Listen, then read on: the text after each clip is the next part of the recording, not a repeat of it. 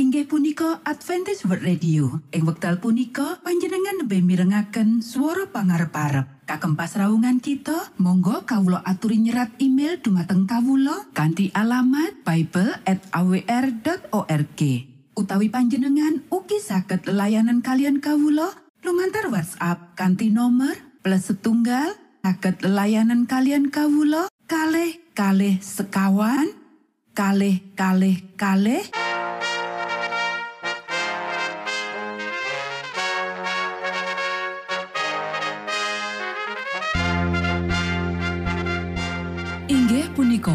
Adventist World Radio ingkang giaran kanthi basa Jawi.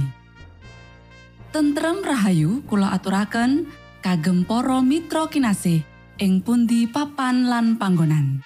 Sugeng pepanggian malih kalian Adventist World Radio. Kanthi bingahing manah kula badhe sesarengan kalian para mitra kinasih lumantar saperangan adicara ingkang sampun rinonci mligi kagem panjenengan sami. Mugi giaran punika saged migunani tuwin dados berkah kagem kita sedaya. Sugeng midhangetaken Gusti amberkahi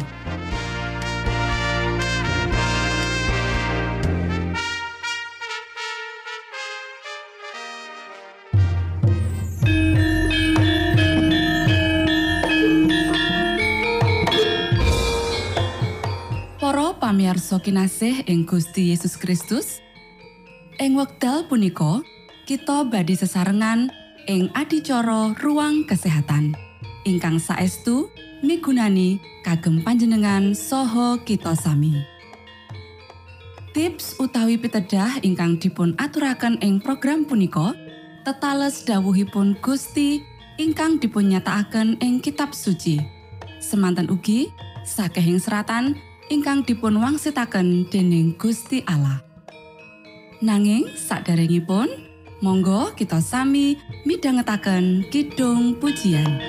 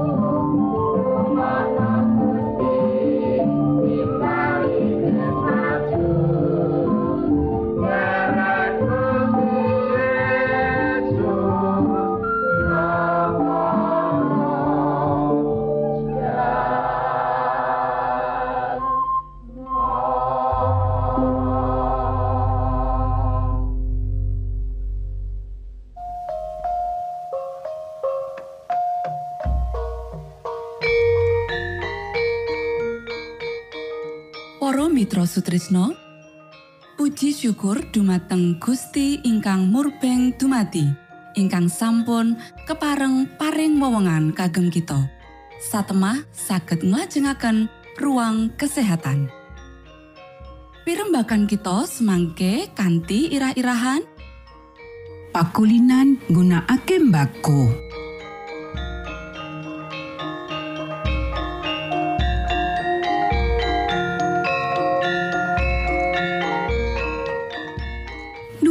Dumateng para pamiarsa ingkang dahat kinurmatan, sugeng pepanggihan malih kalian kula Isti Kurnaidi ing adicara Ruang Kesehatan.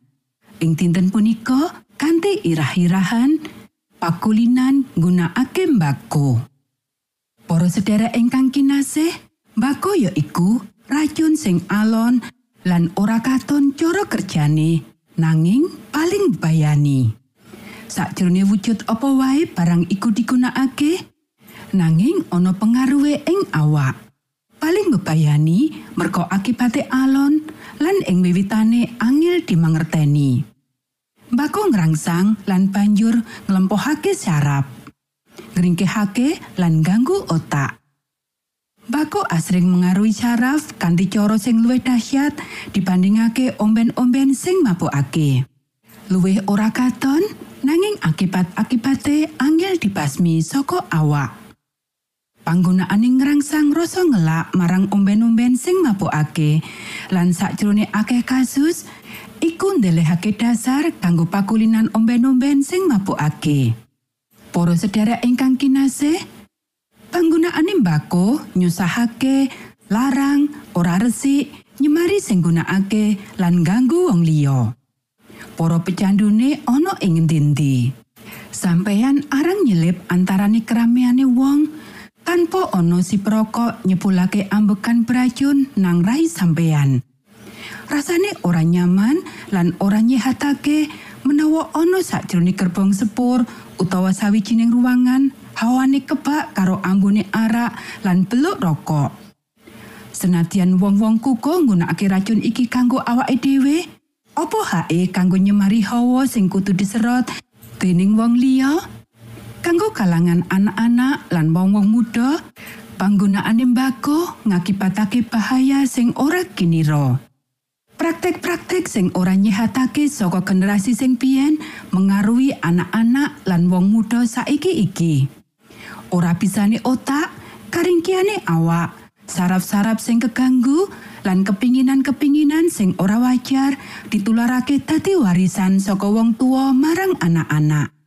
Lan praktek-praktek sakrupa sing diterusake dening anak-anak ningkatake lan ndawakake akibat-akibat sing ala. Akibate, ora cilik kemerosotan awak, mental lan moral nganti dadi sawijining tondo bebaya. Anak-anak lanang mulai nggunakake mbako sajroning umur sing banget enom. Pakulinan iku kabentuk nalika awak lan pikiran banget gampang kegawa marang pengaruhe ngrongrong kekuatane awak, gawe awak tadi gunting, bios pikiran, lan ngrusak moral. Nanging apa sing bisa dilakokake kanggo mulang anak-anak lan wong muda iki ngenani alane sawijining praktek sing dicontohake dening wong tua, guru lan pendeta? Anak-anak lanang sing isih cilik sing lagi wae bisa ngliwati wektu kanak-kanak. Mungkin wae katon lagi nyerot rokok. Menawa ana wong negur dheweke bakal wangsulan. Bapakku uga ngrokok.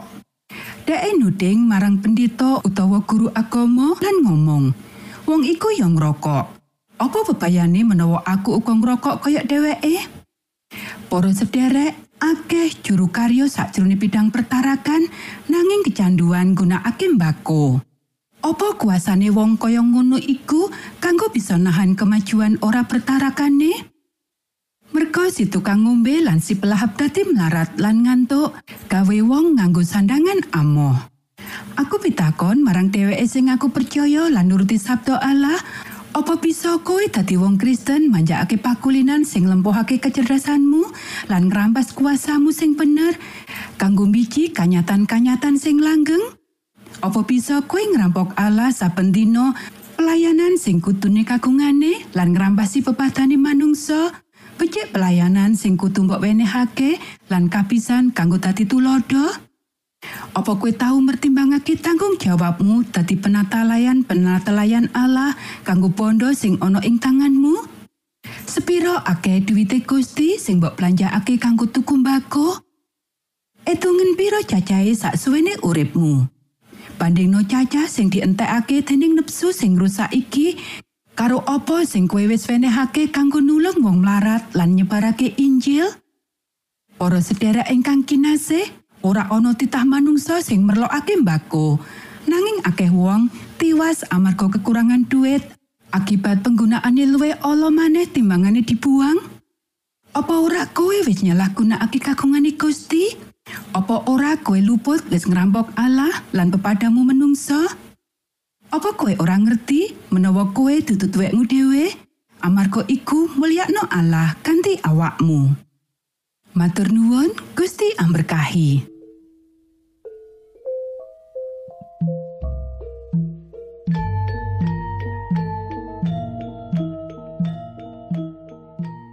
Cekap semanten pimbakan ruang kesehatan ing episode dinten punika.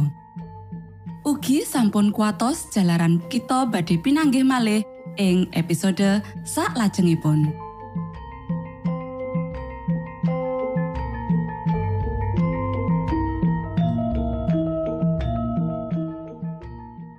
Inggih punika adicara ruang kesehatan.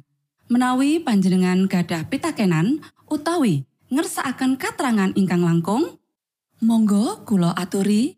Kinton email dateng alamat ejcawr@ gmail.com utawi lumantar WhatsApp kanti nomor 025 pitu 00 songo songo papat 00 pitu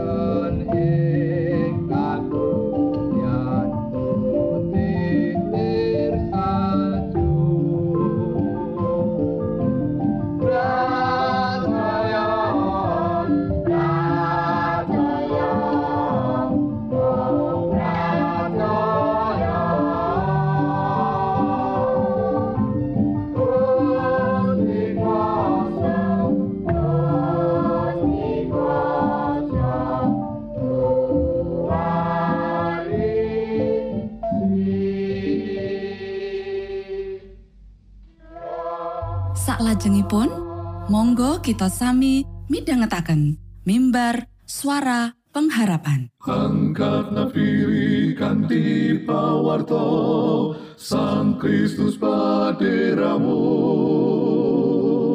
Pro umat samyo puji asmanyo Sang Kristus paderamu Inggih punika mimbar suara pengharapan.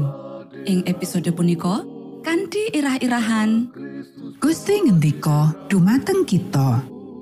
Sugeng midhangetaken. Sang Kristus paderamu Ilmu kawero tambah tambah Sang Kristus paderamu Paderamu Paderamu Sang Kristus paderamu Shalom para pamirsa ingkang kinasih wonten ing Gusti. Sakmenika kita badhe mitangetaken renungan Sabda pangandikanipun Gusti. Ing dinten punika kanthi irah-irahan Gusti ngendika dumateng kita Dawuh pangandikanipun Gusti wonten ing kitab Lukas pasal sekawan likur ayat tigang doso kale inggih punika Wong loro mau tumuli padha sapucapan mangkene.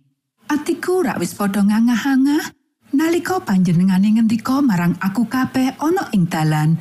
Lan nalika panjenengane nerangake kitab suci marang koe lan aku Para sedherek ingkang kinasih sak sampunipun setanipun Sang Kristus kalih siswa wonten ing margi dumateng Emmaus saking Yerusalem nembe wawan pangandikan perkawis swasana kasetan ing palang Sang Kristus priyangga rawuh nyaketi boten dipun tepangi kalian para lelono ingkang nembe sisah menika. Kapitadosanipun sampun pecah sesarengan setanipun gustinipun lan paningalipun ingkang kawutakaken dening boten pitadosipun boten nepangi juru wilujengipun ingkang sampun wungu. Gusti Yesus ingkang nembe tindak ing sairingipun adrep badhe ngandharaken panjenenganipun dumateng piyambak-piyambakipun. Namung panjenenganipun dawuh dumateng piyambak-piyambakipun namung minangka dados sekabat ing margi kanthi ngendika. Punapa ingkang panjenengan ngendikaaken nalika panjenengan lumampah? Kaget awit pitangletan menika, piyambak-piyambakipun pitaken menapa panjenenganipun tiang monco wonten ing Yerusalem lan boten mireng bilih setunggalipun nabi ingkang agung wonten ing pangandikan lan tindakan sampun kapalangaken. Kamangka kawula riyen ngajeng-ajeng panjenenganipun ingkang rawuh kagem ngluwari bangsa Israel. Aturipun kanthi sisah. He sira wong padha, yo kene alon atimu satemasira ora percaya samu bareng kabeh kang wis kapangandikake para nabi pangandikane Sang Kristus. Apa ora Sang Mesias kudu nglampahi sengsara kabeh mau kagem lumebet saklebetipun kamulyanipun? Lajeng panjenenganipun ngendikaaken dumateng piyambak-piyambakipun menapa ingkang sinerat perkawis panjenenganipun saklebetipun sedaya kitab suci kawitan saking kitab-kitab Musa lan sedaya kitab nabi-nabi. Para siswa sampun kejalan paningal ngengingi prasetyo endah sesambetan kalian jongko setanipun Sang Kristus. Namung nalika perkawis menika kaemutaken dumateng piyambak-piyambakipun, kapitadosanipun gesang malih. Lan sak sampunipun Sang Kristus ngandharaken panjenenganipun dumateng piyambak-piyambakipun, pramila piyambak-piyambakipun matur, menapa boten manah kita kobong nalika panjenenganipun ngendikan kalian kita ing satengahing margi lan nalika panjenenganipun ngandharaken kitab suci dumateng kita? Para sedherek ingkang kinasih menawi kita purun niti priksa kitab suci manah kita badhe kobong nalika kaleresan ingkang dipun andharaken ing salebetipun kapikaaken dumateng pangertosan kita. Pangajeng-ajeng kita badhe murup nalika kita ningali prasetyo endah ingkang kaseparaken kados mutiara ing sedaya seratan suci menika. Sinambi nitip preksa riwayatipun para nabi lan bapa Manungsa ingkang tresno asih lan wedi asih dumateng Gusti Allah lumampah sesarengan panjenenganipun. Jiwa-jiwa kita badhe sumunar kanthi greget ingkang gesangaken piyambak-piyambakipun. Para sedherek ingkang kinasih, menapa ingkang jalari pecahipun kegiatan rohani salebetipun pasamuan-pasamuan? Wangsulanipun inggih menika kita ngendelaken penggalih kita kaseret tepe saking Sabdo. Suwantenipun Gusti Allah menika ingkang ngendika dumateng kita. Sami mestinipun kalian kita saged mirengaken kanthi manah kita. Monggo kita sami ndedonga. Duh Rama kawula ingkang wonten ing swarga, asma patuko mugi kasucikaken. Kraton patuko mugi rawuh. Karsa patuko mugi kalampahan wonten ing bumi kados dene wonten ing swarga. Kawula mugi kaparingan rejeki kawula sak cekapipun ing dinten punika. Saha patuko mugi ngapunten kalepatan kawula kados dene kawula inggih ngapunteni tetiang ingkang kalepatan dhateng kawula. Punapa dene kawula mugi ngantos katantukaken dhateng ing panggoda nanging mugi sami patuko uwalaken saking piawon. Awit dene patuko ingkang kagungan kraton saha wisesa tuwin kamulyan salami laminipun. Amin.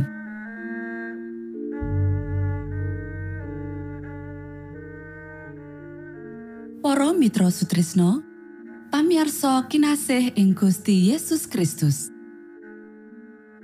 Sampun paripurno pasamuan kita ing dinten punika.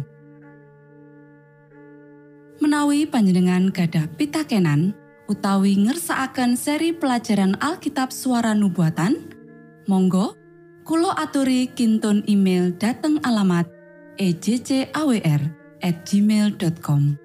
utawi lumantar WhatsApp kanti nomor 025 pitu 00 songo songo papat 00 pitu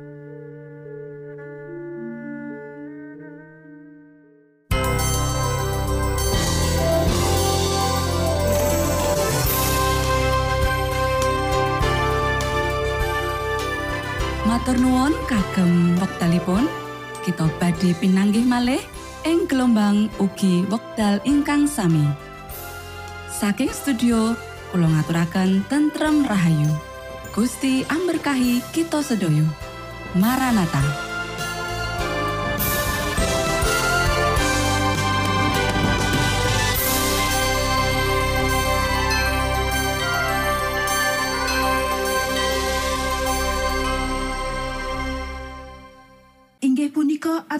World Radio. Ing wekdal punika panjenengan lebih mirengaken swara pangarep-arep. Kagem pasraungan kita, monggo kawula aturi nyerat email dumateng kawula kanthi alamat bible@awr.org. Utawi panjenengan ugi saged layanan kalian kawula lumantar WhatsApp kanthi nomor plus setunggal saged layanan kalian kawula kalih kalih sekawan kalih kalih kalih